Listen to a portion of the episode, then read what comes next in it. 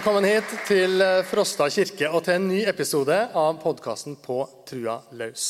Jeg heter Magne Vik Ravndal, og i kveld så er vi altså hjertelig og live til stede her i storstuen kirka på eh, Frosta.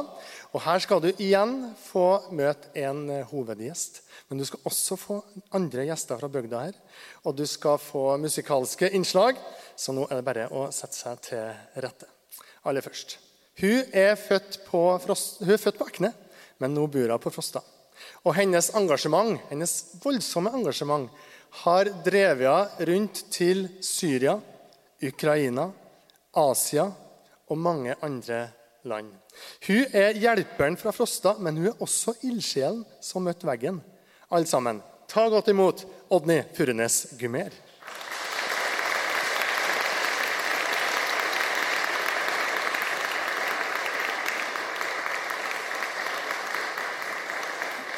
God kveld, God kveld, Odny. God kveld, Magne. Nå er du på hjemmebane. Ja, jeg er jo det. Hører jo det. Jeg er jo det. det Trivelig å være i lag med deg i Frosta kirke. Dette er jo et rom som du kjenner godt til. jeg kjenner godt til Frosta kirke. Kanskje ikke så godt som jeg burde, men jeg har uh, hatt gode stunder her og har mange gode minner herifra. Det har jeg. Du har også jobba i menigheten her. Jeg har jobba i Levanger menighet.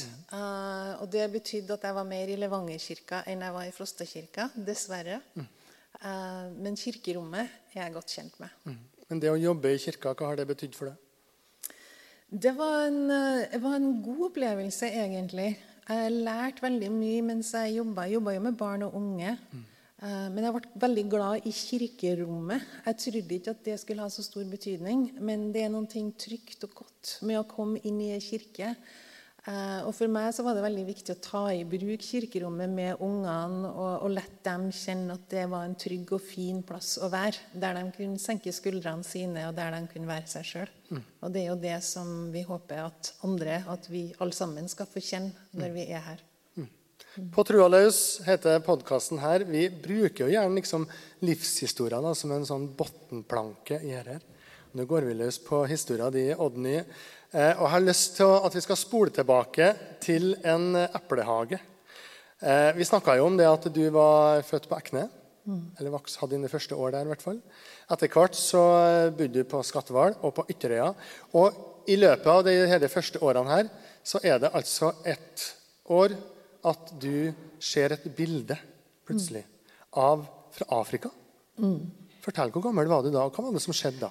Jeg, jeg tror jeg, var, jeg kunne ikke ha vært veldig gammel. Jeg tror jeg var kanskje fire år. Men det er et minne som har festa seg. Og var, det var et bilde, og det kunne ha vært Afrika, det kunne ha vært et land i Asia, og det er jeg ikke sikker på. Men det jeg så, det var mørke barn som så uh, veldig underernært ut. Og det bildet var For meg som en fireåring så ble jeg veldig sjokkert. Og så spurte jeg mora mi hva er det som feiler de ungene. Hvorfor ser de sånn ut? Og så sa hun det at eh, de er fra en plass der de ikke har nok mat, og de er sultne. Og det festa seg. Eh, som en fireåring så synes jo du at det er helt umulig å tenke at eh, noen ikke har nok mat. Eh, og så husker jeg på og det, her, er- det, det er veldig rart at jeg husker det òg, fordi at jeg var så lita. Men eh, vi bodde jo på en gård, og så gikk jeg ut i hagen, og der hadde vi store epletre. Og jeg klarte ikke å slutte å tenke på dere ungene som ikke hadde nok mat. Og så tenkte jeg men vi har jo så mye eple, det må da vel kunne gå an å dele eh, noen med, av disse eplene med disse ungene. Så jeg fylte en pose og gikk inn til mamma og sa det at nå har jeg plukka eple. Så kunne hun være så snill å sende det til de ungene som vi så bilde av. Eh, Og stakkars mamma hun visste jo ikke helt hva hun skulle gjøre. Eh, Så hun var ganske vis faktisk og sa det at det ble vanskelig fordi at hun hadde ikke adresser til ungene. Eh, og Jeg husker ikke på hva som skjedde etter det, men, uh, men jeg tror, når jeg tenker tilbake på, på den episoden, så, så lurer jeg litt på var det da det her engasjementet mitt starta. Ja, hva, tror, hva tror du det var du kjente på? Nei, altså, jeg kjenner, altså Sånn som jeg husker det Og selvfølgelig, det her, her er jo veldig veldig mange år siden. Men det som jeg husker den gangen, det var nok kanskje en sånn håpløshet og en sånn en forferdelse over at barn skulle ikke ha nok mat. At de hadde vondt når jeg hadde det så godt. Og så var det jo det her at jeg tenkte at jeg har jo mer enn nok av noen ting. Da kan jeg kanskje dele. Mm. Og du har fortalt meg at dette her ga seg ikke. Nei, det ga seg ikke. Det har ennå ikke gitt seg. Etter hvert så, så ble det, med en gang det var TV-aksjon eller et eller annet, så var du, var du der. Der var jeg, vet du. Og ja, jeg, jeg, hadde et engasjement, og jeg vet at uh, mora mi og eks-stemora mi er her, og de kan sikkert, uh, de kan sikkert uh, underskrive på at jeg var ikke aldeles lett å være sammen med bestandig. For at min standard var ganske høy, og jeg mente at alle sammen burde leve etter den. Og det var at vi som har mye, skal dele. Og, og, og, jeg brukte av mine egne lommepenger til å gi til innsamlingsaksjoner. Jeg var med i forskjellige organisasjoner der jeg kunne fremme fred og rettferdighet. Og sånn holder jeg på. Mm. Du har fortalt meg at Da du var 13 år, så så du plutselig noen eh, på TV-en som aksjonerte for, eller mot utbygging av Altavassdraget? Ja, det gjorde jeg. Og det, igjen så ble jeg forferda. Fordi at for meg så var det, det var kanskje den første politiske aksjonen som jeg engasjerte meg i. Uh, og jeg så at det her er jo feil. Her er det både natur som skal ødelegges, og så er det ei folkegruppe som blir undertrykt, og som mister plassen sin. Selvfølgelig, igjen, jeg var 13 år, så mine ideer var jo veldig forenkla. Uh, men det som jeg så, det var at dette her er feil.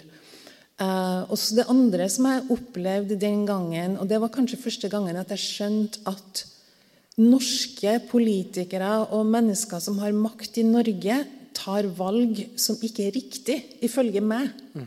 Og det har vært veldig jeg ble veldig opprørt over det. Hvordan kan det være mulig at regjeringa som skal passe på oss, tar valg som jeg syntes var helt feil? Mm. Og så, og så, skjønte jeg da at men jeg kan jo gjøre noen ting med det. Jeg kan protestere. Ja, For du gjorde noen ting? Jeg gjorde noen ting. Hva gjorde du? Jeg satte meg ned rett og slett og skrev et brev mm. til han som leda folkeaksjonen mot utbygging av Alta-Kautokeino-vassdraget. Og det brevet var langt, der jeg skrev om uh, min sympati for både han og folket hans. og... Uh, og eh, hvor fortvila jeg var over hva som skjedde, og at jeg kom til å aksjonere på min egen måte. Men fordi jeg var så ung, så kunne jeg dessverre ikke reise opp til Stilla og lenke meg fast. Men jeg var med dem i hjertet mitt. Mm. Og det dette brevet her, det har jo jeg glemt. Eh, men tydeligvis så hadde det gjort inntrykk på kanskje på han lederen og kanskje på noen andre i den folkeaksjonen. For det hadde, blitt, det hadde blitt spart i et arkiv. Mm. Så For noen år siden så hadde de et jubileum, og, da hadde de funnet det brevet.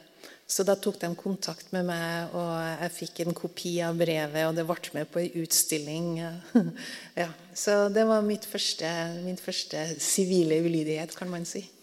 Så brevet fra 13 år gamle Odny det havna til slutt på en utstilling mange år senere? Ja, på NVE-utstillinga. Fortjener en applaus, det.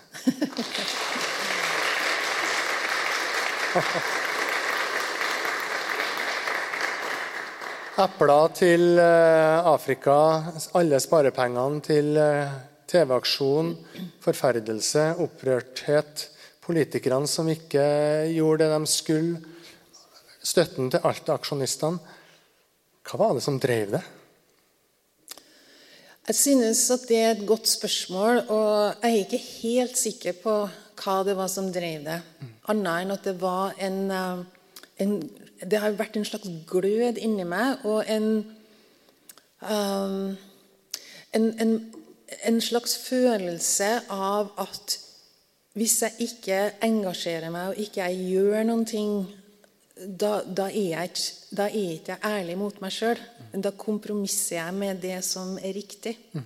Var du sint? Jeg var veldig mye sint, spesielt i tenåringene uh, tenårene. Da var jeg veldig sint. Uh, sint på alt. Og jeg var nok ikke en veldig sympatisk person på den tida. Uh, tenåringer er jo ofte sånn alt er svart og hvitt. Mm. Og dem som ikke var enig med meg, var jo idioter.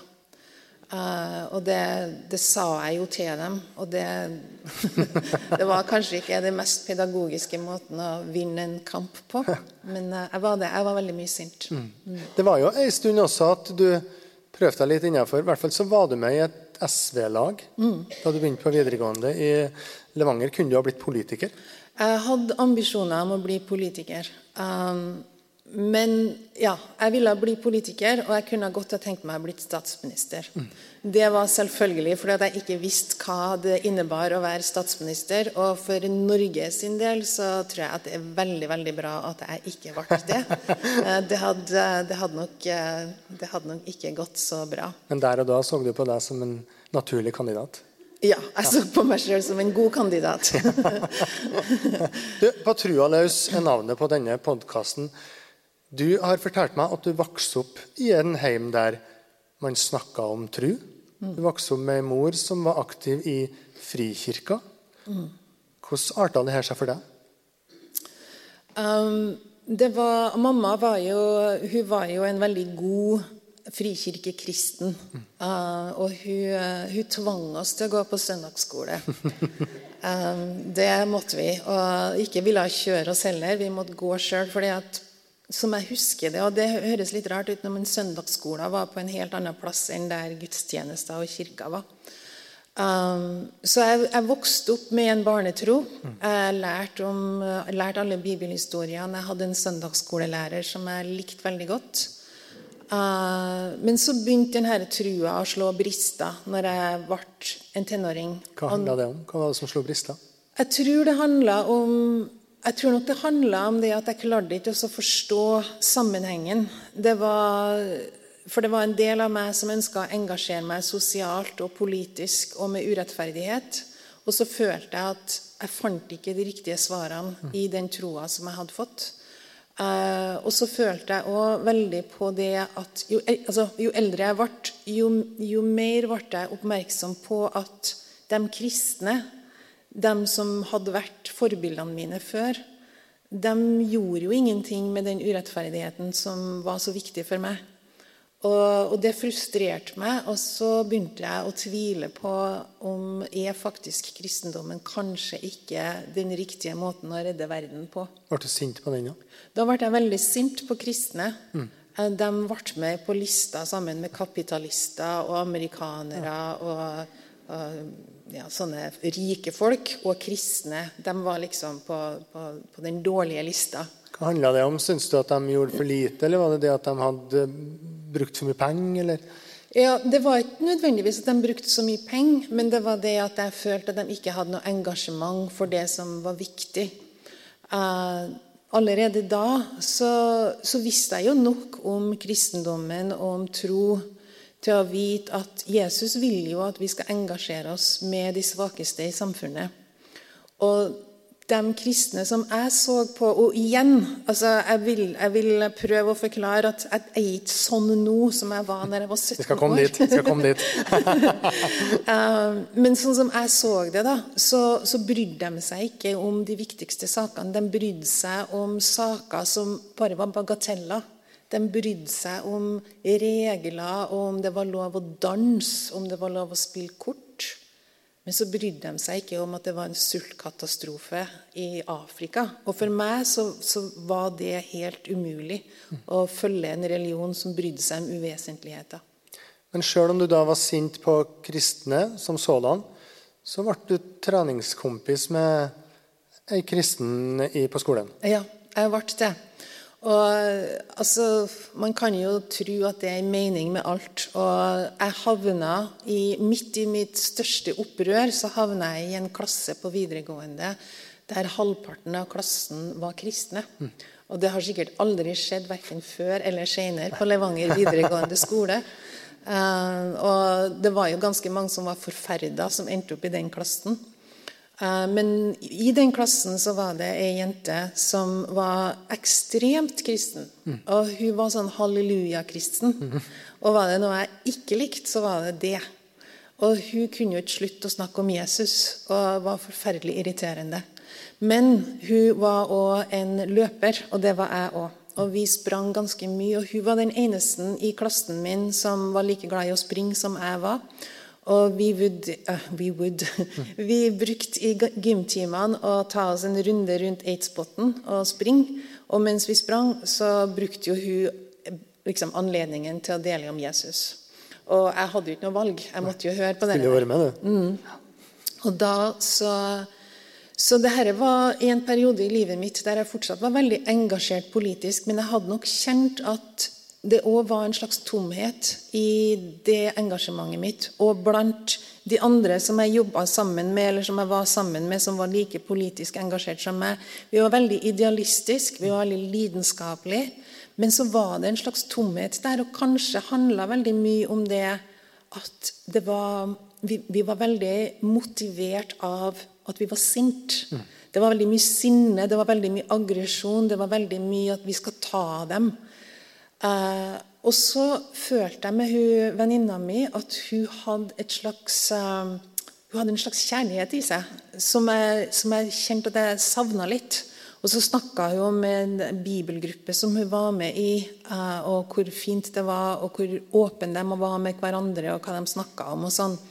Og Da var det en liten stemme inni meg som, som tenkte åh, hvor godt det hadde vært å være sammen med noen som jeg kan bare senke skuldrene med.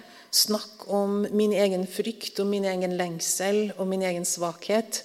Ikke bare snakk om at nå må vi finne, gjøre noe med militærdiktaturet i Nicaragua. Og så sa hun at jeg kunne jo få være med på denne bibelgruppa. Og det tenkte jeg at det kan jeg til nød gjøre.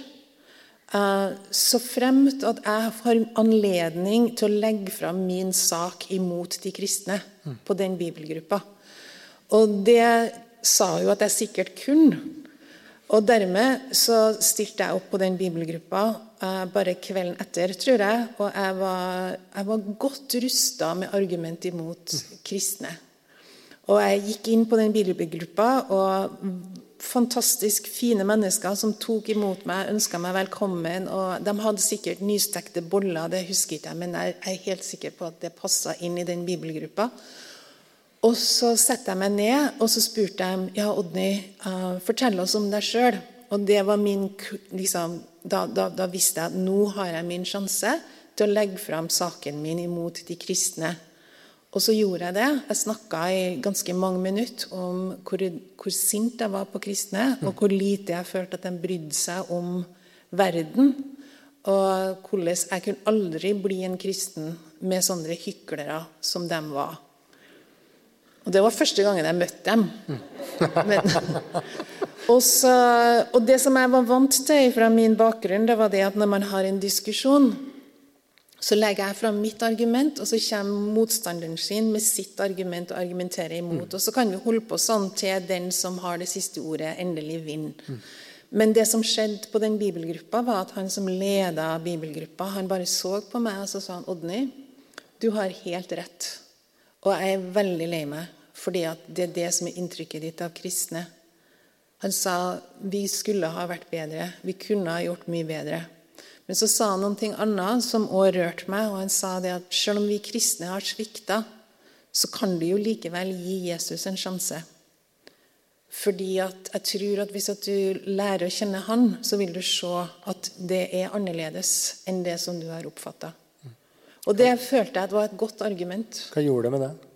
Det gjorde, For det første så var det veldig rart at han ikke kom med et motargument. For det var jeg så forberedt på. Uh, og jeg hadde allerede planlagt hva jeg skulle si hvis han hadde et argument. Um, men han gjorde ikke det. Så på den måten så ble jeg avvæpna. Mm.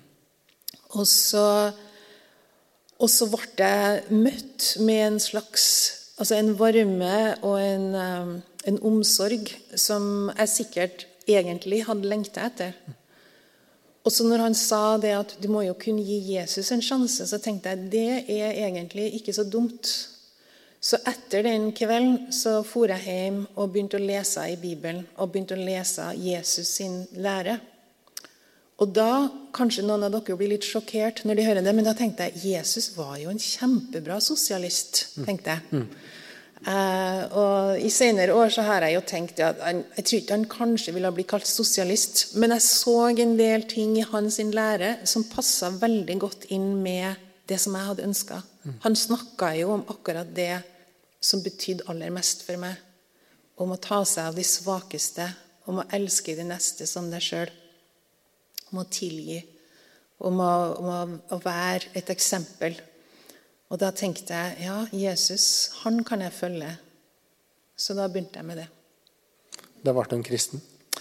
Ble jeg en kristen? Jeg synes det er vanskelig å si at da ble jeg en kristen. For jeg har ikke en sånn, en sånn eh, Jeg ble aldri sånn frelst. Jeg tror det var en gradvis prosess. Jeg leste i Bibelen. Jeg likte det jeg leste. Det ga meg motivasjon, det ga meg inspirasjon. Det forklarte veldig mye om mennesket. Når du begynner å lese i Bibelen, så, så tenker du oi, altså For 2000 år siden så hadde de jo mye av de samme problemene og utfordringene som vi har i dag. Menneskesinnet har egentlig ikke forandra seg veldig mye, og jeg har lært veldig mye av det. Så jeg tror at min tro ble en slags, en slags prosess, en slags reise. Da videregående skolen på Levanger var ferdig, så bestemte du deg i hvert fall for å ta det her på alvor. Og du drog, forteller at du dro til Japan sammen med en organisasjon som heter Ungdom i oppdrag. Mm. Hva skjedde der? Um, jeg hadde jo tenkt at jeg skulle reise til slummen i Manila, for det passa meg ganske bra. Og så skulle jeg bo der som en fattig person sjøl. Uh, og så endte jeg opp i et av verdens rikeste land, Japan. Uh, det var ikke en del av min plan. Og jeg tenker nå når jeg ser tilbake på det, at det var veldig lurt at jeg gjorde det. Fordi at da lærte jeg meg at uh, mennesker er mennesker. Og nød så, det kan defineres på så veldig mange måter. Menneskene i Japan hadde sine behov, og de hadde nød i sine liv som var veldig annerledes enn om jeg hadde bodd i en slum i, Japan, i, eh, i Filippinene. Uh, og jeg ble um, ja, Japan var, Jeg var jo veldig ung, jeg var bare 19 år da jeg flytta dit. Jeg bodde der sammen i et bokollektiv sammen med sju-åtte andre. Vi hadde veldig dårlig råd, dårlig økonomi. Eh, jeg vet ikke om jeg ville anbefalt mine unger å ha gjort det samme. Men samtidig så styrka det meg. Jeg vokste veldig mye de årene. Jeg lærte hva som er viktigst i livet. Jeg lærte å leve med nesten ingenting. Um, og jeg lærte òg å kanskje sette pris på, på mennesker som bor i en kultur der materialisme er så viktig. Mm. Jeg var ikke i en slum, men likevel så kjente jeg på den fattigdommen som veldig mange hadde. da. Mm. Og etter hvert, mens du var i Japan, så møtte du Steve. Mm. Han var, på, var, egentlig i Thailand, men var på besøk i Japan. Ja. Det ble din kjæreste, ja. etter hvert ektemann mm. og samarbeidspartner. Vi skal komme tilbake til det. Men så dro dere derifra til USA. Mm. Til Las Vegas. Ja. Hvorfor det? Det er Guds ironi, tenker jeg da. altså, jeg var, jeg var, så motstander av alt som hadde med materialisme og kapitalisme å gjøre. Og hva skjer? Jeg ender opp i Japan, gifter meg med en amerikaner og flytter til kapitalismens og materialismens høyborg. Spillhovedstaden? ja. Las Vegas. Uh, så det var jo et sjokk. Altså Kultursjokk har jeg opplevd mange ganger. Men ingenting kan sammenligne seg med å flytte til Las Vegas. Det var et kjempesjokk til systemet mitt. Eh, både kulturen, landskapet, eh, menneskene der, at folk levde av å dele ut kort i kasinoer, var veldig annerledes. Og jeg kan ikke si at jeg savner Las Vegas. Nei, men der, der havna dere i en menighetssammenheng. Din mann mm. var, vært pastor i en uh, menighet der. Og du ser at da ble vi superkristen. Ja, vi ble faktisk det. Hva mener du med det? Jo, det jeg mener, det var det at uh, vi endte opp i uh, en veldig uh, konservativ kristen menighet i Las Vegas. Det vi kanskje ser på TV, og det som, som gjør oss litt skremt av amerikanske holdninger, og spesielt blant evangeliske kristne, det var det som den menigheten sto for. Til mitt forsvar så må jeg si at jeg visste ikke at det var det, det, var det vi hadde sagt ja til når vi flytta dit. Um, og det tok meg ikke veldig mange uker før jeg var, jeg var veldig eh, både sjokkert og, og, ganske deprimert, vil jeg si. Fordi at jeg visste ikke altså, hvordan skal jeg håndtere denne kulturen her. For det handla f.eks. om syn på kvinner? Det handla om syn på kvinner. Mm. Det at jeg var gift med Steve, det gjorde at jeg, jeg hadde egentlig ikke noen annen rolle enn at jeg skulle være hans hustru. Eh, de hadde politiske syn som var veldig fjern fra altså min, min, bakgrunn, selvfølgelig, men jeg tror hver nordmann Et stykke fra Levanger SV til Las Vegas? En stor, stor, et stort gap imellom holdningene våre. Så det var, det var veldig vanskelig for meg å, å bli å, å, å, akseptere de holdningene. Men så var jeg helt alene. Jeg følte at her er jeg unge Jeg var bare nettopp fylt 20 år i et land, i en by, i et miljø som er alt som jeg ikke kan stå for. Men det som skjedde på den tida, var at jeg, jeg begynte å tvile på mine egne verdier og mine egne holdninger. Og tenkte at de må jo være feil.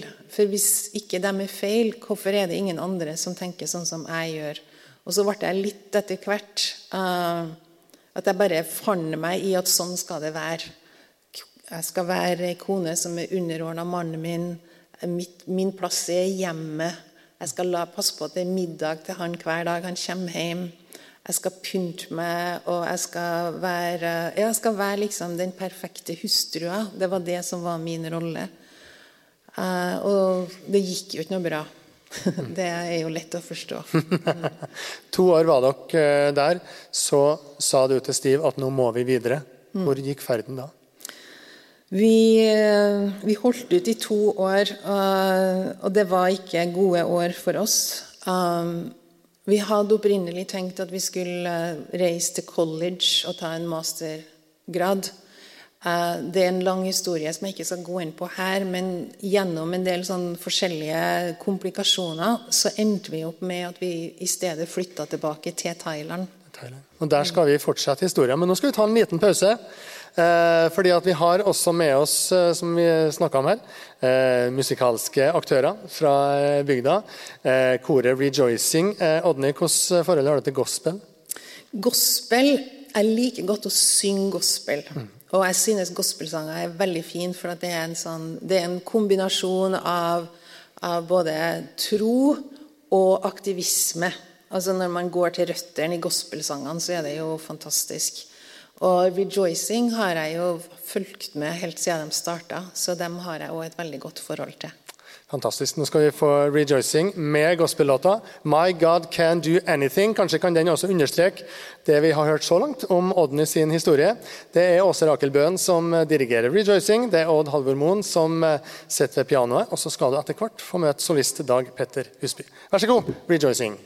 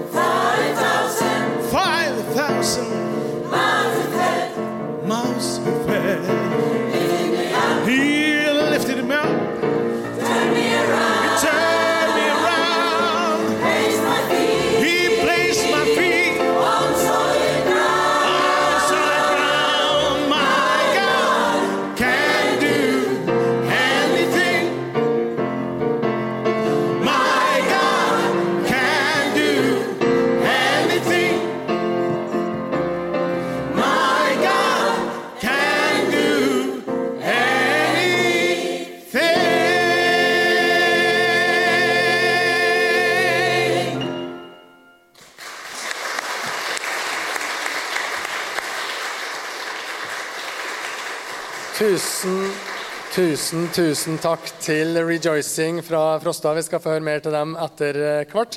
Men akkurat nå så eh, er du altså med på eh, en episode av På trua løs, direkte fra Frosta kirke.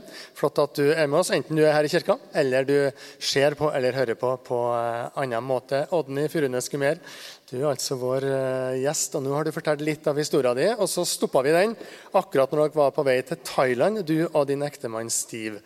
Og da har du fortalt meg at i starten der så fortsatte dere litt med å ha på en måte fokus på det her med å komme lenger i trua, det her med å lære mer om teologi. Du snakka om mye tid i bønn og i bibelstudier. Og så skjer altså det at dere på et tidspunkt får eh, en invitasjon til å være med til en flyktningeleir ei helg i Thailand, men med flyktninger fra Myanmar, den tids Burma. Og du har fortalt meg at det forandra livet ditt. På hvilken måte?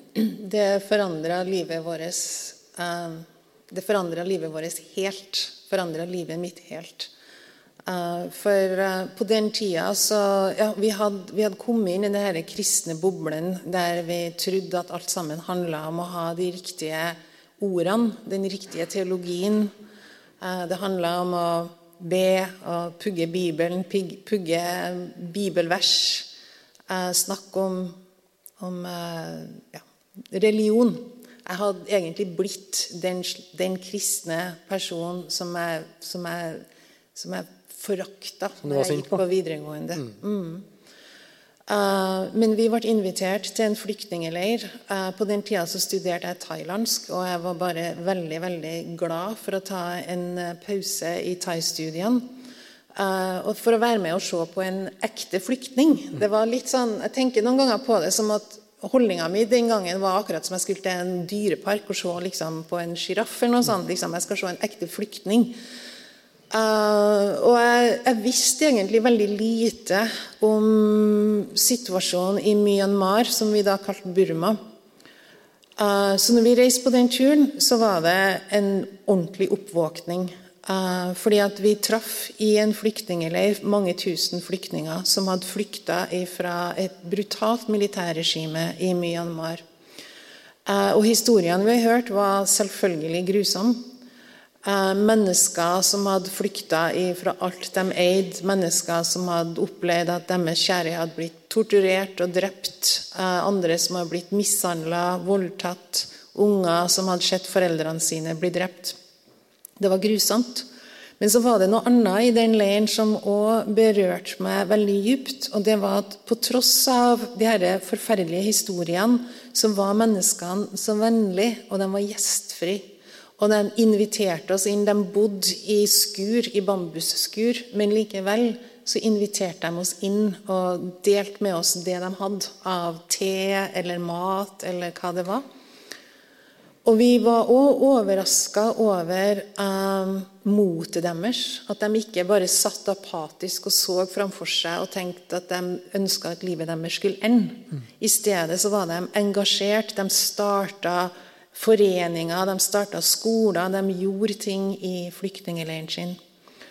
Og når vi var der, så var det akkurat som Gud tok tak i oss. Eller jeg kan jo snakke for min egen del. da, At jeg, jeg hørte en slags altså Det var jo ikke en, en, en ordentlig stemme, men det var en stemme inni meg som spurte hva gjør du med dette her?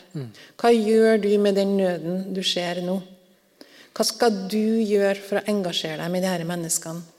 Det går ikke an å komme til en leir og se behov som er så stor, og ikke gjøre noe med det. Nå har du et ansvar.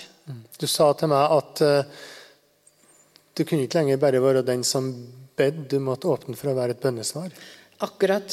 Og det var det som jeg følte. For jeg tenkte det blir helt absurd at vi skal reise fra denne leiren her og si takk for oss, det var hyggelig å treffe dere. Vi skal huske på å be for dere i kveldsbønna vår, og så bare reise derifra og fortsette livet som før. Det gikk rett og slett ikke an. Og Det som jeg tror skjedde for meg den gangen, det var det at det var en personlig utfordring. Det handla om hva skal jeg gjøre med dette her. Det handla ingenting om hva skal jeg si til andre folk at de skal gjøre. Det var som at Gud sa til meg, 'Odny, hva gjør du med det du har sett?' 'Hva gjør du med det du har hørt?' Og, og det var heller ikke at jeg tenkte den gangen at nå skal jeg forandre, forandre verden, eller nå skal jeg få slutt på konflikten i Burma. Det var heller hva har jeg Det var litt igjen å gå tilbake til de eplene da jeg var fire år. Hva er det jeg har som jeg kan gi til dem? Og derfor så, når vi starta, så var det så lite. Vi starta med bare bitte små ting. For vi hadde ikke noe veldig mye penger.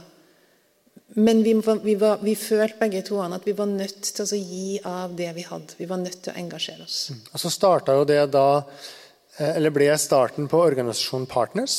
Mm. Som du og Steve og flere andre har drevet i mange år etter det. I, ble et omfattende arbeid da, i flyktningleirene der dette, disse menneskemøtene som du snakker om, dette arbeidet som ble stadig større, hva gjorde det med trua di? Uh, I starten så var det trua mi som motiverte meg til å gjøre det vi gjorde. Det var troa mi som gjorde at jeg, at jeg tenkte at ja, det her, er mitt kall. Her, og jeg kan gå til Gud og få styrke. Men jo mer vi ble involvert, og jo mer vi så og jo mer vi hørte, så ble trua mi veldig utfordra. Selvfølgelig måtte den bli det, fordi at det vi så, var grusomt. De menneskene hadde opplevd, var forferdelig. Og det som vi òg hørte, var at var, mange av disse her var kristne folk som hadde bedt til Gud om at Gud måtte beskytte mannen deres. Og så ble han likevel torturert foran øynene deres. Mm. Og, og, og, ikke bare det. altså, det her er uskyldige mennesker som ikke har gjort noen ting feil. Og så hører du hva som har skjedd med dem. Og da er jo spørsmålet, som veldig mange har spurt meg òg, hvordan kan det være en kjærlig Gud som lar dette her skje? Og, og, Steve og jeg vi tok, liksom, vi tok, det litt på omgang, tror jeg. For det var, det var i en periode at jeg tenkte ok, jeg er ferdig med Gud. Altså, Hvis dette her kan skje i verden, da vil ikke jeg ha noen ting med han å gjøre. Og da var Steve der og kanskje snakka om at jo, men du må jo gi Gud en sjanse. uh, men dem som egentlig var dem som styrka troa vår mest, var jo de flyktningene vi jobba med sjøl. Det var dem som sa til oss Jeg husker, jeg husker veldig godt når jeg i min naivitet spurte dem om det som har skjedd med dem, ikke gjør at de hater Gud. Og jeg spurte dem hvordan kan dere tro på Gud når dere opplevde så mye vondt. Og de så på meg som om at jeg var enten dum eller kom fra en annen planet. Og så sa de men det er jo ikke Gud som har gjort dette her. Det er jo mennesker som har gjort det. Og de sa òg at ikke ta Gud ifra oss, for han er vårt eneste håp. Det er han som holder oss opp. Det er han vi går til når livet er veldig vanskelig. Mm. Og da tenkte jeg, hvis de kan tro, ha en tro som er så sterk, og den kan ha et sånt perspektiv på det, så bør jo jeg kunne gjøre det samme. Mm. Du jobba både med kristne og muslimer? Både kristne, muslimer og buddhister. Mm. mm. Og det har vært veldig berikende å jobbe med mennesker fra andre religioner. Hva har det lært deg om tru? Det har lært meg at tru er veldig viktig. Uh, og for meg så har det vært litt sånn at det handler om å ha tro, og det handler om å, å, å ha et holdepunkt som er utenfor deg sjøl. Og jeg har jobba veldig mye med muslimer. og har sett at vi har så mye til felles. Og vi har hatt et, et kjempegodt forhold der de sier OK, Odny, nå kan du be til din Gud, så ber vi til vår Gud. Og jeg har også sett det at hadde det ikke vært for den troa og den styrken som de får i den troa si, så tror jeg livet hadde blitt veldig veldig mye vanskeligere for dem. Det er noen ting som er vanskelig å beskrive tror jeg, for oss som har det så bra i Norge. For vi har ikke det samme behovet for noen utafor oss sjøl som vi kan gå til. Men jeg har lært veldig mye av mine muslimske venner. Og jeg har lært også veldig mye fra mine buddhistiske venner. det har jeg. Og selvfølgelig fra de kristne som, eh, som har bodd i jungelen, som jeg har vært mye sammen med. Mm. Det er flott å høre på deg, Odny, og det er flott å høre om dine refleksjoner og ditt uh, liv. Og det her med tru. Hvem er vel bedre til å kunne ta den praten videre med oss enn presten her på bygda? Nå skal vi ta imot uh, sogneprest Kristin Mørreaune Bentsen.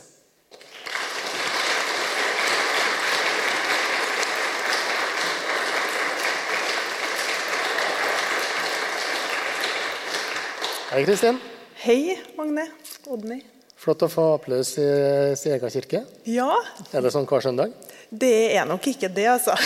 Det er ikke det. Men jeg kjenner at jeg er glad for å være her. Trives veldig godt i det rommet her. Ja. Hvilke tanker gjør det deg for å spørre deg først nå da, når du hører Odnys historie så langt? Det gjør jo inntrykk. Jeg kjenner jo Odny, så har hørt noe av det før. Eh, Men det gjør inntrykk. Eh, Og noe av jobben min er jo òg faktisk å, sånn som til deg, da, sant? å høre livshistorier til folk. Da gjerne på slutten.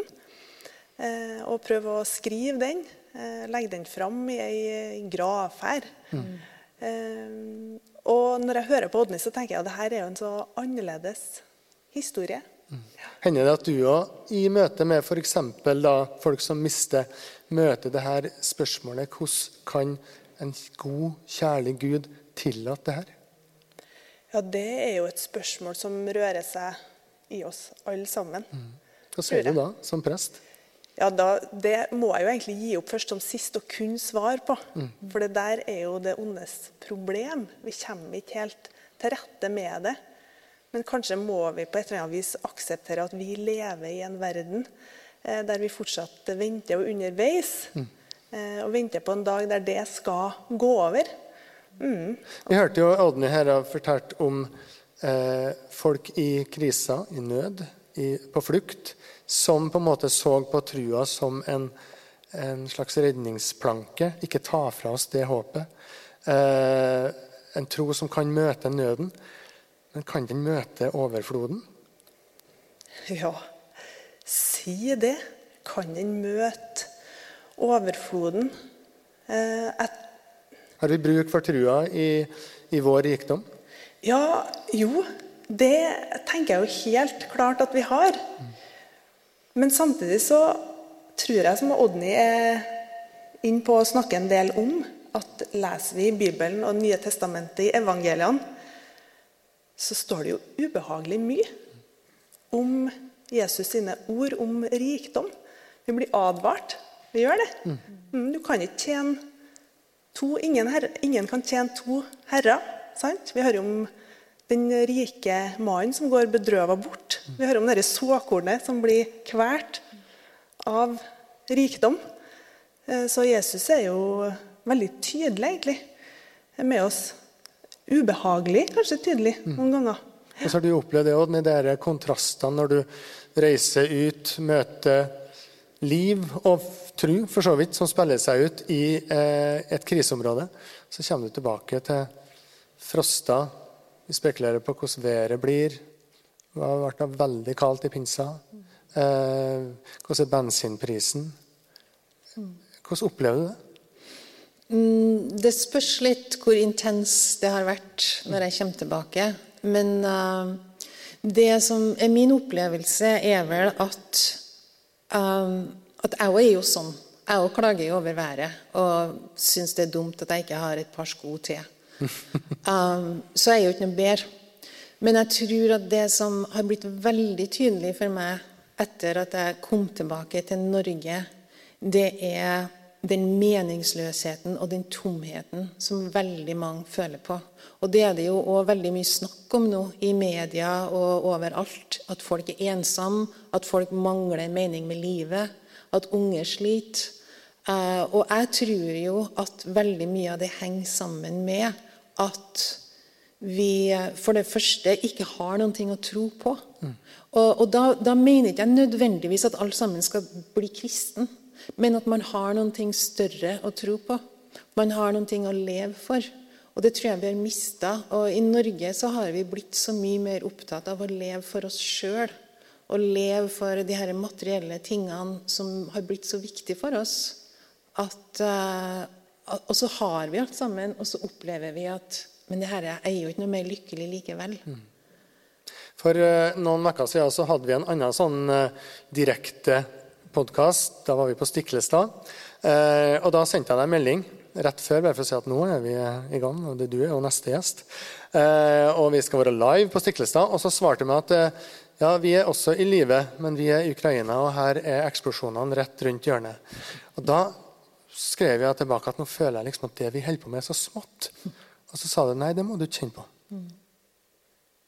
Nei. Og det jeg mente, det, var, det mente jeg oppriktig når jeg skrev det. Og det, det, er noen ting som jeg er litt opptatt av å formidle òg. At eh, det er veldig mange ganger at folk snakker med meg som om at det jeg gjør, er så fantastisk, og, og vi kan aldri gjøre det du gjør. Og, og, og kanskje å snakke ned seg sjøl litt. Og det syns jeg er så trist. Fordi at jeg sjøl føler at det er mennesker her, altså som sitter her sammen med oss i dag, som jeg beundrer enormt. Og det er ikke mennesker som, som ofte liksom, er en hovedperson i en podkast eller som er på TV eller aviser, men det er mennesker som er trofast, som gjør ting som har betydning for andre. Det er folk som jobber på et, på et uh, gamlehjem eller på et sykehus, eller det er dem som tar seg av uh, familiemedlemmer, eller det er dem som tar seg av unge. Det er en prest som sitter og hører historiene til folk. Og for meg så tenker jeg at det går ikke an å rangere viktigheten av det. det er, og det som, det, som, det som, er viktigst, det er at vi tar tak i uh, hva er det jeg lever for?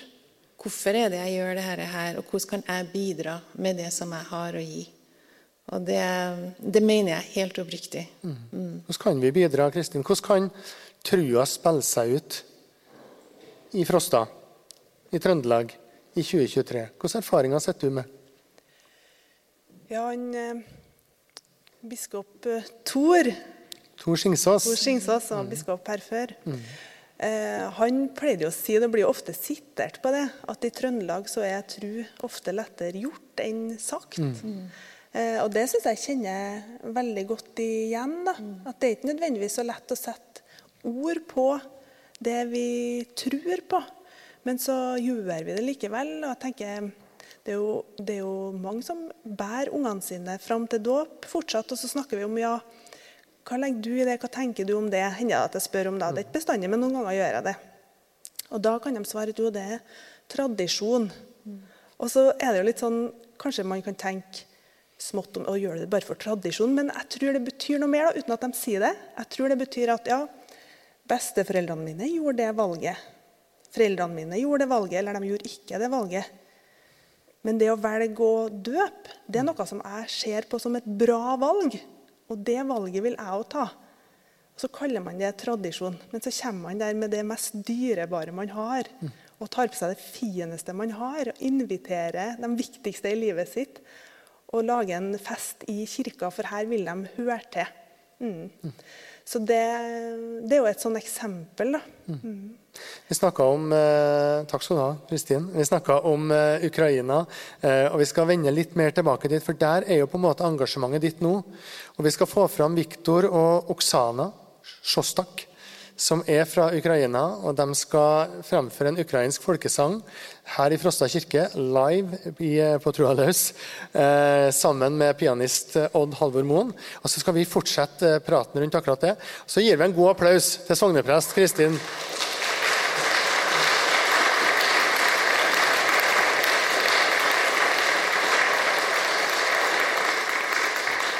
Sogneprest, sogneprest Kristin Mørreøyne Bentsen. Jeg stoppa litt opp der, men eh, der kom hele greia. Eh, og så sier vi vær så god til Viktor og Oksana Sjostak og en ukrainsk folkesang.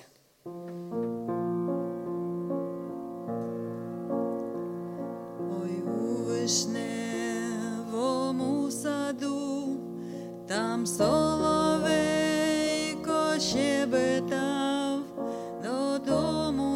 просилася, а він мене все не пускав, додому я просилася, а він мене все не пускав.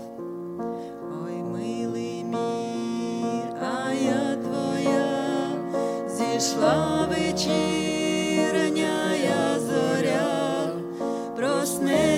my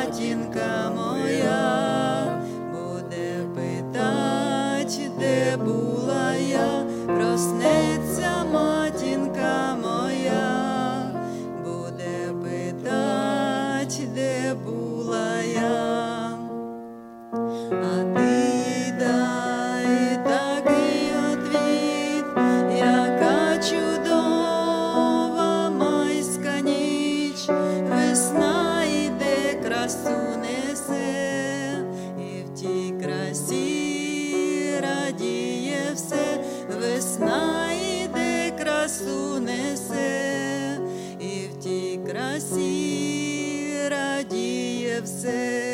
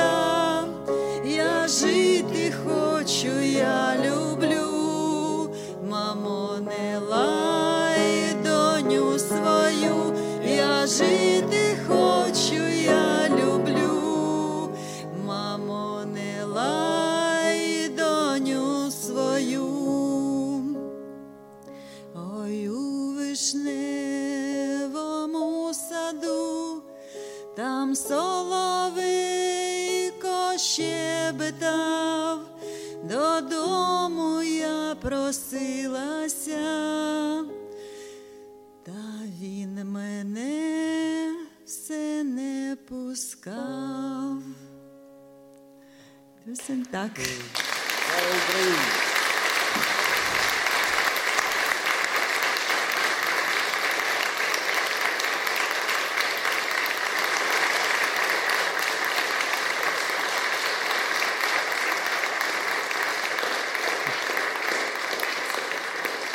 Tusen, tusen takk til Viktor og Oksana Sjostak. De er to av de ukrainske flyktningene her i Frosta. For det er jo sånn at etter krigen som brøt ut i Ukraina for et drøyt år siden, så har flyktningstrømmen gått vestover i, til Europa. Og noen har også kommet hit til eh, Frosta. Eh, og Viktor og Oksana Sjåstak er en av dem. I går så så vi altså eh, på TV 2 et innslag om deg, Odny, i Ukraina. Du har nettopp vært der. Fordi at, bare for å si det helt kjapt, så snakka vi om at dere starta Partners, som jobba med flyktninger og i Syria og andre konfliktområder i mange år. Og så skal vi ikke gå videre inn på historier som førte til at dere slutta i Partners. Det har vært skrevet litt i avisene om det, og sånne ting, men det er i hvert fall et faktum. Og så starta dere organisasjonen som heter Novi, og som nå jobber i Ukraina. Eh, og i TV-reportasjen som jeg refererte til, så så vi hvordan dere kom til barn midt i de mest krigsramma områdene i Ukraina. Har med dere sekker og aktiviteter. Fortell litt om det. Mm. Um, det er nesten så enkelt at det virker som at uh, det er for enkelt. Det tenkte jeg på i går når jeg så, så det på TV-en. Altså vi hopper taug og holder på med tvister, Kan det egentlig hjelpe barn som er deprimert og stressa og traumatisert? Men det som vi har opplevd i Ukraina, det er at uh, Og det har de snakka veldig mye om på nyheter nå, spesielt de siste dagene. og det er det at denne konflikten påvirker ungene negativt på så veldig mange områder. Selvfølgelig så er det at husene deres blir ødelagt, og de er nødt til å flykte. og sånn, Men den mentale biten er veldig viktig. At de lever under konstant frykt og lever under konstant stress. Mm. At de har mista så, så mye, at de er redde. Um, og så har vi også sett at det finnes ikke fagfolk nok til å, til å altså, hjelpe her, hver en av dere ungene her. Og kanskje er det ikke det de trenger heller, men de trenger en måte å regulere de her følelsene sine på. Noen, når de lever uh, under konstant stress, blir veldig hyper. Altså, de får masse energi, de blir sinte, de blir de blir aggressive, de får ikke sove, de får mye energi, de kanskje begynner å slesse. Og så er det andre som har den helt motsatte effekten, som bare fryser, som blir litt sånn tung til sinns, som, som, uh, som blir veldig inneslutta. Og det som Novi har gjort sammen med, med Trygve Børve, som er den psykologen som har jobba med oss, det er at vi har tenkt på hvordan kan vi hjelpe flest mulig unger og, så, og, så, begynne å jobbe med de her følelsene sine. Og, så jo i, Rett før den reportasjen som vi snakker om, så mm. så vi videoer fra Kyiv, mm. der en uh, gruppe med unger sprang mm. skrikende mm. bort fra et varsla bombeangrep. Ja. Uh, midt oppi det. Dette så vi så seint som i går på, på TV-en. Og der er det du har blikket ditt nå. Hva er det som stadig driver deg til de områdene der det er mest krig og mest konflikt og mest bråk. Ja, Det lurer mora mi på òg. Mm. Mm. Kunne du ikke bare jobba på en butikk ja. på Levanger? Um, jeg vet ikke. Jeg synes det er et godt spørsmål. Uh, og det er vel en kombinasjon, tror jeg, av at jeg vil være der behovet er størst, og jeg vil være der minst mulig bidrar til å hjelpe. Hvis det er en plass der det allerede finnes folk som hjelper, eller der behovene ikke er så enorme, da føler jeg at Men da, da trenger ikke jeg å bruke tida mi der. Um, og sånn har det bestandig vært. Uh, og jo vanskeligere det er å komme seg dit, jo mer lyst har jeg til å dra dit. Og jeg tror at det er sikkert både hvordan jeg er anlagt. Selv om jeg vil ikke hevde at jeg er spesielt modig. Jeg er redd for mange ting. Um, jeg liker ikke å kjøre fort på ski i nedoverbakke. Men jeg er ikke så redd for å være i en krigssone. Så jeg tror det er en kombinasjon av at jeg vil være der behovene er størst, og en, eh, at, jeg, at, jeg, at, jeg, liksom oppsøker der det er størst krise. Da. Mm så er det jo sånn da at du reiser her fra Fosta til Ukraina akkurat eh, for tiden. da, eh, innimellom og, og hjelpe der. Og så er det også noen da, som vi hørte om, som kommer fra Ukraina til Frosta og får hjelp her. Og Nå skal vi møte en av dem. Nå skal dere gi en varm applaus til Hanna Yashina.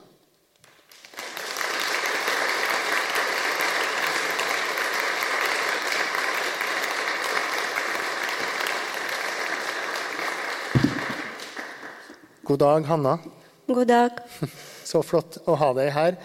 Hanna Yashina er altså en av eh, flyktningene i Frosta.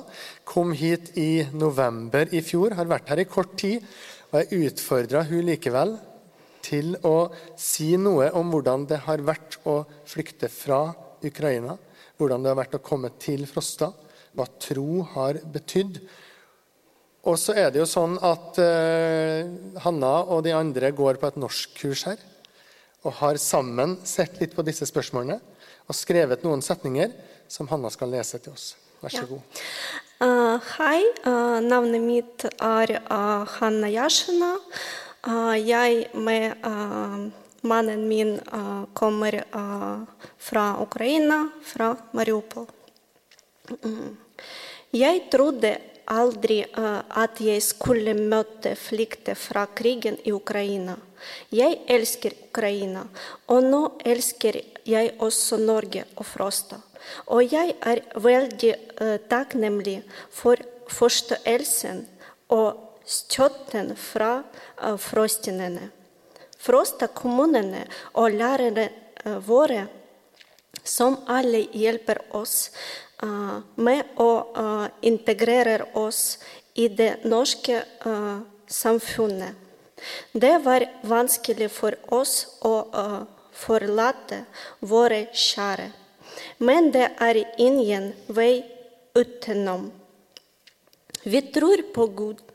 Vi ber for våre kjære som ble i Ukraina, og tror på den lyse fremtiden til landet vårt.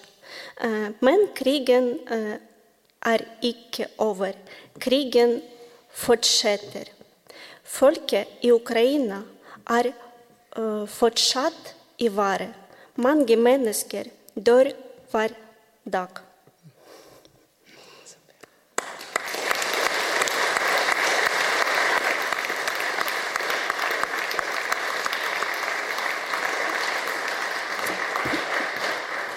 Tusen takk. Tusen, tusen takk til deg også, Hanna. Flott å få en sånn rapport direkte fra dere som har kommet til Frosta. Og Vi skal være litt i det, for det er jo sånn at det det er mange som eh, kommer hit, eller i hvert fall noen, som har kommet hit og på en måte etablert seg i Frosta. Nå skal vi ta imot Lena Aursand, som jobber med flyktningene her i Frosta. Vær så god.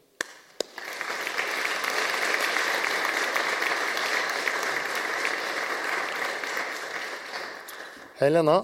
Direkte fra fotballkamp eh, i nabobygda her, Ekne. Du, du rakk det? Ja, ganske frossen. Ja, det er godt å se deg her, i hvert fall. Eh, Hanna Viktor og Oksana har vi også møtt, er jo noen av dem som dere har tatt imot eh, her på Frosta. Hva har vært det viktigste fokuset for dere når dere tar imot disse som kommer direkte fra krigshandlingene? Mm. Eh, det viktigste for oss er jo at de blir tatt godt imot eh, her på Frosta. Og at det er hele Frosta-samfunnet som tar imot dem. Eh, så det har vært et fokus eh, for oss at eh, hele kommunen og alle innbyggerne er med på integreringa. Mm. Nå hørte jo Hanna som fortalte at de har blitt tatt godt imot, men samtidig kjenner på at, at de stadig tenker på og ber for dem som er igjen, at krigen er jo ikke ferdig. Hva, hvilke tanker gjør du deg om de kontrastene som dette innebærer? Mm. Eh, de kontrastene møter vi jo på, vi som jobber med det hver dag, egentlig. Eh, og det fordi at Når vi jobber med integrering, så jobber vi jo for at de skal skape seg et liv her. Samtidig vet vi at det er mye som er vanskelig, og at det fortsatt pågår. Eh, så, jeg syns jo at de er tøffe og sterke, som likevel viser De utviser mye mot eh, på å prøve nye ting. De, eh, ja, jeg er imponert over hva de klarer. Odny, jeg vet at du har vært også i kontakt med Lena og med gruppa her. Hva slags tanker gjør du deg? Du er i Ukraina en dag og hjelper der, og så møter du disse som får hjelp her på Frosta. Mm. Nei, altså Det er jo som Lena sier, dem som har kommet hit, har jo på mange måter fått det trygt. Og de har det bra, sånn, sånn, materielt sett. Men jeg tror jo det er en veldig konflikt inni dem òg. Fordi at eh, landet deres er fortsatt i krig. Og så tror jeg òg at kanskje veldig mange av dem føler at de har svikta litt.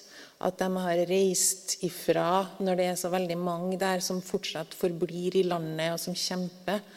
Eh, Så jeg tror at det kan ikke være veldig enkelt å, å slå seg til ro i, på Frosta, selv om alle dem jeg har snakka med, og sier at de er veldig takknemlige for å være her. De har blitt godt tatt imot. De har alt de trenger. Ungene har det fint på skolen. Men likevel så har de reist fra hjemlandet sitt, som fortsatt er i krig. Hvordan har møtet vært for dem med frostingene? Det har vært eh, veldig positivt. Eh, det har vært eh, hjelp fra alle kanter fra lokalsamfunnet. Så kommunen har jo fått veldig god hjelp i integreringa. vi har jo fått veldig mye hjelp fra frivillige organisasjoner, privatpersoner, både med utstyr til boliger og vennskap, arrangement osv. Så, videre. så det det opplever jeg har vært uh, veldig, veldig bra. Mm. Hva blir det viktigste fokuset for dere som jobber tett med denne gruppa framover? Um, vårt viktigste fokus blir jo å integrere dem, og da gjøre dem til en del av fellesskapet her i Norge.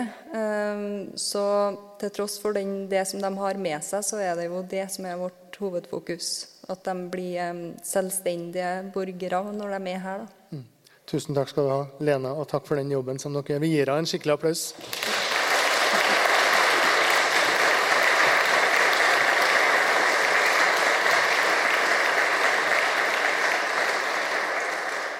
Du er fremdeles med oss i, på Trua løs, podkasten fra Nidaros bispedømme, direkte fra Frosta kirke. Nå skal vi snu oss litt. Fordi at Odny, du har fortalt oss nå historia di fra eh, en eh, en fireåring som plutselig opplevde en nød for dem som hadde mindre å rutte med, som ville plukke eple og sende til Afrika, som var sint. Eh, som deretter har blitt en profilert må vi si, bistandsarbeider, som vi snakka om. TV 2 nå nettopp. Du har stått på direkten fra Aleppo, fra Syria. Eh, du har på mange måter vært et ansikt for det å hjelpe andre mennesker. Og Hvis vi da går noen år tilbake, så har du kommet tilbake til Frosta fra nok et oppdrag i Syria. Og så er batteriet tomt. Fortell. Mm. Um, det var nok uh, noen ting som skjedde over tid. Uh, både at jeg jobba såpass intenst, uh, var i så mange intense situasjoner der der det faktisk var farlig å være. Det kombinert med at jeg opplevde en del personlige konflikter. Og kanskje òg kjent litt på at er det noe vits i det jeg holder på med? Er det verdt det? Uh, og alle disse forskjellige tingene. Jeg skal ikke gå inn på alt. Men det gjorde at jeg plutselig begynte å kjenne at dette klarer jeg ikke lenger. Uh, og det var, det var veldig rart, fordi at hele meste av livet mitt vil jeg si, så har jeg vært veldig sterk. Og det har vært en av mine kvaliteter er at jeg er sterk. Og jeg har, jeg har sagt til folk at alle kan være sterk, for det skjer i hodet ditt. Du bestemmer deg for hva du vil, og så klarer du det. Du må bare ville det nok. Og sånn har det vært for meg. Og jeg har hatt et problem med folk som er svake. Fordi at jeg tenker Altså, ta deg sammen, har jeg tenkt. Helt fram til at jeg sjøl ikke klarte å ta meg sammen. Og det var kjempetøft. Um, det begynte å gå litt sånn nedover. Um, jeg, jeg kjente at jeg måtte ta en pause fra partners. Um, det var en del konflikter som jeg ikke klarte å løse. Og det eneste alternativet ifølge styret var at jeg måtte, måtte bare ta en pause fra jobben. Og det trodde jeg at skulle være greit, og så tenkte jeg ok, jeg skal prøve noe annet i en periode for å se om jeg klarer å få tilbake energien min og få tilbake meninga med livet. Men det skjedde ikke. I stedet så bare følte jeg at jeg ble mer og mer mislykka og datt mer og mer ned i et svart hull. En dag så våkna jeg nesten ikke. Og jeg klarte ikke å komme meg ut av senga. Det var, en, det var ikke bare i hodet mitt, men det var hele kroppen som ikke klarte å fungere. Og det var en skremmende opplevelse. Det er et uttrykk som heter 'sykt bra'. Men hvis du snur det på hodet, hadde du vært så bra at du ble syk av det? Jeg tror det. Jeg tror nok at det er en god måte å si det på. At jeg hadde, jeg hadde holdt meg sjøl opp i så mange år og hadde vært så sterk og ikke tillatt meg sjøl noe som helst svakhet. eh, Og sett på svakhet som noe negativt. Og så ble det bare for mye. Og, og da så, så, så, så klarte jeg ikke noen ting. Jeg klarte ikke å komme meg til postkassen. Det var helt umulig. Så ble du syk, så ble du sjukmeldt. Og så eh, møtte du en kamerat som eier en eh, gård, et gårdshotell på Frosta. Roger. Ja. Eh, og så sa han 'kom hit'. Vask toalett. Eh, rydde opp, server. Ganske stor kontrast fra å stå midt i begivenhetenes sentrum i Aleppo i Syria. Hvordan opplevdes det? Um, det var det, det var en sånn veldig uh, lærerik periode i livet mitt. Uh, noen ting som jeg nå ser tilbake på. Det var kjempesmertefullt og vanskelig og ydmykende på mange måter. Men når jeg ser tilbake på det nå, så tenker jeg at det her måtte jeg gjennom.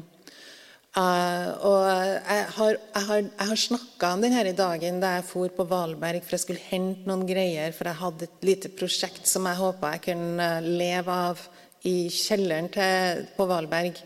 Og når jeg kom dit, så så Roger hvor dårlig jeg var. Og, og han spurte hva som var problemet mitt. Og jeg sa at problemet mitt er at jeg er mislykka. Jeg er mislykka med absolutt alt. Og det er ingen vits for meg å nesten ikke leve lenger. Og Roger i sin store visdom spurte meg hva betyr det å være mislykka. Og så sa jeg ja, altså, meg, jeg er mislykka. Jeg får jo ikke til noen ting. Jeg har prøvd ting, og alt er mislykka. Og så sa han det at ja, det, det tror ikke jeg noen ting på. Fordi at selv om man starter noen ting som ikke blir som, som ikke lykkes, så er ikke det å være mislykka. Da har du bare en erfaring med det som gjør deg sterkere. Og så tenkte jeg ja, det var jo egentlig sant, men det kjentes ikke sånn ut. Og så sa Roger at Odny, du er nødt, du kan ikke bare sitte hjemme og, og, og liksom bare fortsette å være i det svarte hølet ditt. Du må komme deg ut, og du må gjøre noen ting. Du må, må prøve å få litt struktur på dagen din. Og så sa han kan ikke du bare komme til oss på Valberg og hjelpe. Uh, du kan jobbe så mye du vil, men det gir deg en mulighet til å komme deg ut. Og da tenkte jeg først nei, jeg orker ikke. Jeg har ingen energi. jeg orker ikke. Men så tenkte jeg det er lurt, fordi jeg måtte gjøre noen ting som jeg ikke trengte å tenke så mye, men som var noe praktisk som likevel hjalp meg til å, å liksom fokusere på noe annet. Så jeg begynte. Og jeg husker på at det var veldig fint å være på Valberg. Det er et fantastisk arbeidsmiljø, og alle sammen var kjempeinkluderende og snille og greie. Og jeg var ikke noe flink til å legge på laken og sånn, men det var greit. Eh, men jeg husker på at jeg sto en dag og vaska do eh, på et av hotellrommene og tenkte OK, det var her jeg endte opp. Jeg endte opp med å vaske do. Det var ikke så lenge siden jeg sto i Aleppo, og her er jeg nå. Og så kjente jeg en sånn Vi alle sammen har jo den stemmen i hodet vårt som vi har diskusjoner med hele tida. Og den stemmen sa nå kan du i hvert fall si at du er ganske mislykka. Hva er du nå? Det er jo ingenting. Du er jo bare en person som vasker do. Og jeg, jeg husker på denne følelsen veldig, veldig godt. Og så tenkte jeg ja, det er jeg. Men jeg er akkurat den samme personen nå når jeg står her og vasker do, som jeg var når jeg sto i Aleppo og snakka med NRK på direkten. Jeg, ikke, jeg er ikke en annen person. Og verdien min handler ikke om hva jeg gjør. Verdien min er den samme nå når jeg står her og vasker do, som den var når jeg, når jeg er i en krigssone og alle sammen synes jeg er så tøff. Og Det var veldig viktig for meg å forstå at det her altså identiteten vår Det er så lett at vi, at vi vi tenker at identiteten vår er det vi gjør. Identiteten vår er den vi er kjent som. Og når jeg plutselig ikke lenger var Odny bistandsarbeider eller Odny som jobber i krigssona, men jeg var Odny som vaska do på Ballberg, så ble jeg veldig usikker. Hvem er jeg nå? Eh, og det har jeg tatt med meg. For jeg tenkte den dagen så tenkte jeg ok, jeg skal bli den beste dovaskeren. da. Jeg skal bli veldig god til å vaske do. Og det, og det er greit. Fordi at dem som er glad i meg, er glad i meg uansett om jeg vasker do, eller om jeg er i en krigssone. I 2019 så ble du, Odny, invitert til å holde talen for russen på din gamle skole. Levanger videregående skole. Det var avslutning, og, og det skulle komme en uh, tale fra deg. Og det var, ble altså en tale som gikk viralt, som det heter. Den ble delt i sosiale medier overalt. Jeg så uh, i, Da dette arrangementet som vi er på nå, ble omtalt i avisa Innherred, så skrev de at uh, den talen hos dem hadde 200 000 klikk.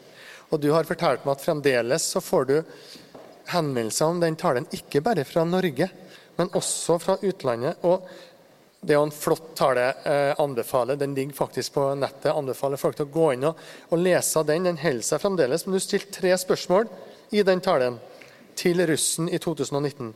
Vil dere bruke tiden på å se perfekt ut og få de andre til å tro at du har full kontroll? Kommer dere til å fremstå som uovervinnelig? Vil vellykkethet være deres største dyd? Odny, var det dine erfaringer som lå i de spørsmålene? Uh, jeg tenkte nok ikke det når jeg skrev de spørsmålene, men det var nok det. Mm. Og jeg tror, det at, uh, jeg tror nok at jeg tenkte altså når jeg skrev den talen, så tenkte jeg på mine egne døtre. Og så tenkte jeg hvis jeg skal si noen ting til dem, så er det dette her jeg vil si til dem. Og da tenkte jeg akkurat det at um, det er det å være vellykka og det å, å, å bli sett på som vellykka eller perfekt, det er så slitsomt.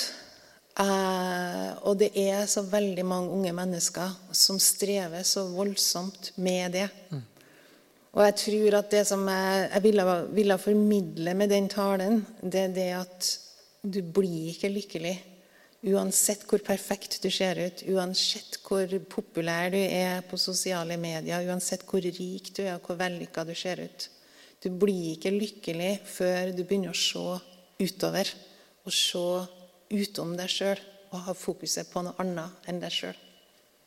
Ådne Fyrenes Gumer, tusen takk for at du deler historien din, refleksjonene eh, dine. Hvis jeg skal spørre helt til slutt, på trua løs hvor står trua di i dag?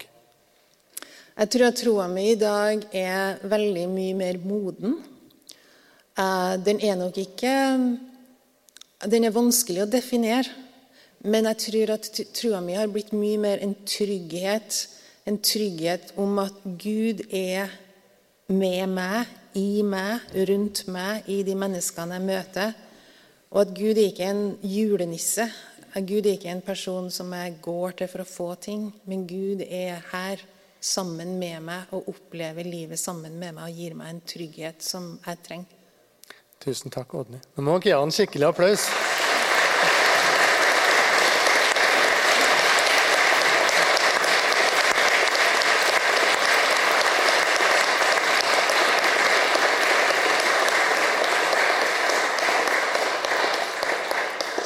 Og dette var altså én av historiene som du kan eh, få i podkasten på Trua løs. Når vi hørte hørt Odny Furunes Gumer. Og hver eneste uke så eh, kommer det nye episoder. Du kan finne dem på de ulike podkastappene som er på mobilen, på Spotify, på Apple eller på Google eh, eller Amazon eller alle andre plasser. Så finner du på Trua løs. Og der skal vi fortsette, også etter sommeren, med å presentere nye livshistorier her fra Trøndelag. Nye erfaringer, nye personlige møter med tru. Eh, og denne, denne, dette møtet med Odny, denne samtalen her, kan du også finne. Den ligger både med lyd og bilde på våre nettsider Nidaros bispedømme, kirken.no Nidaros. Nå skal vi avslutte denne kvelden med musikk. Du skal få høre 'Breath of Heaven'. Det er egentlig en eh, fargelegging av Marias historie, som hadde sin eh, skatt, som bar på sin skatt, som bar på sitt kall. Nå har du hørt Odny i en og en halv time nesten fortelle om sin skatt og sitt kall. Og så kan hver og en få vist fram sin, men nå hører vi på 'Rejoicing' med 'Breath of Heaven'. Eh, solist nå er Hildegunn Husby.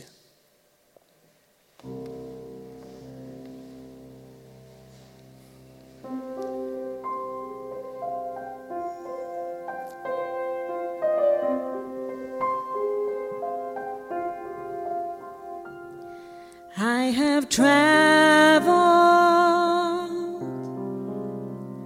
many moonless nights, cold and weary, with a baby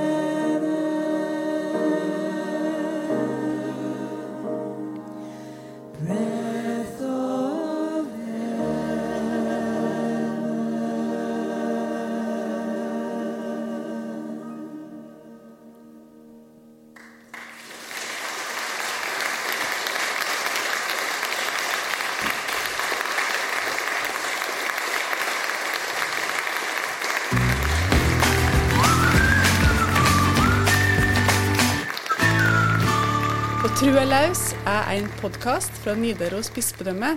Programleder er Magne Vik Ravndal.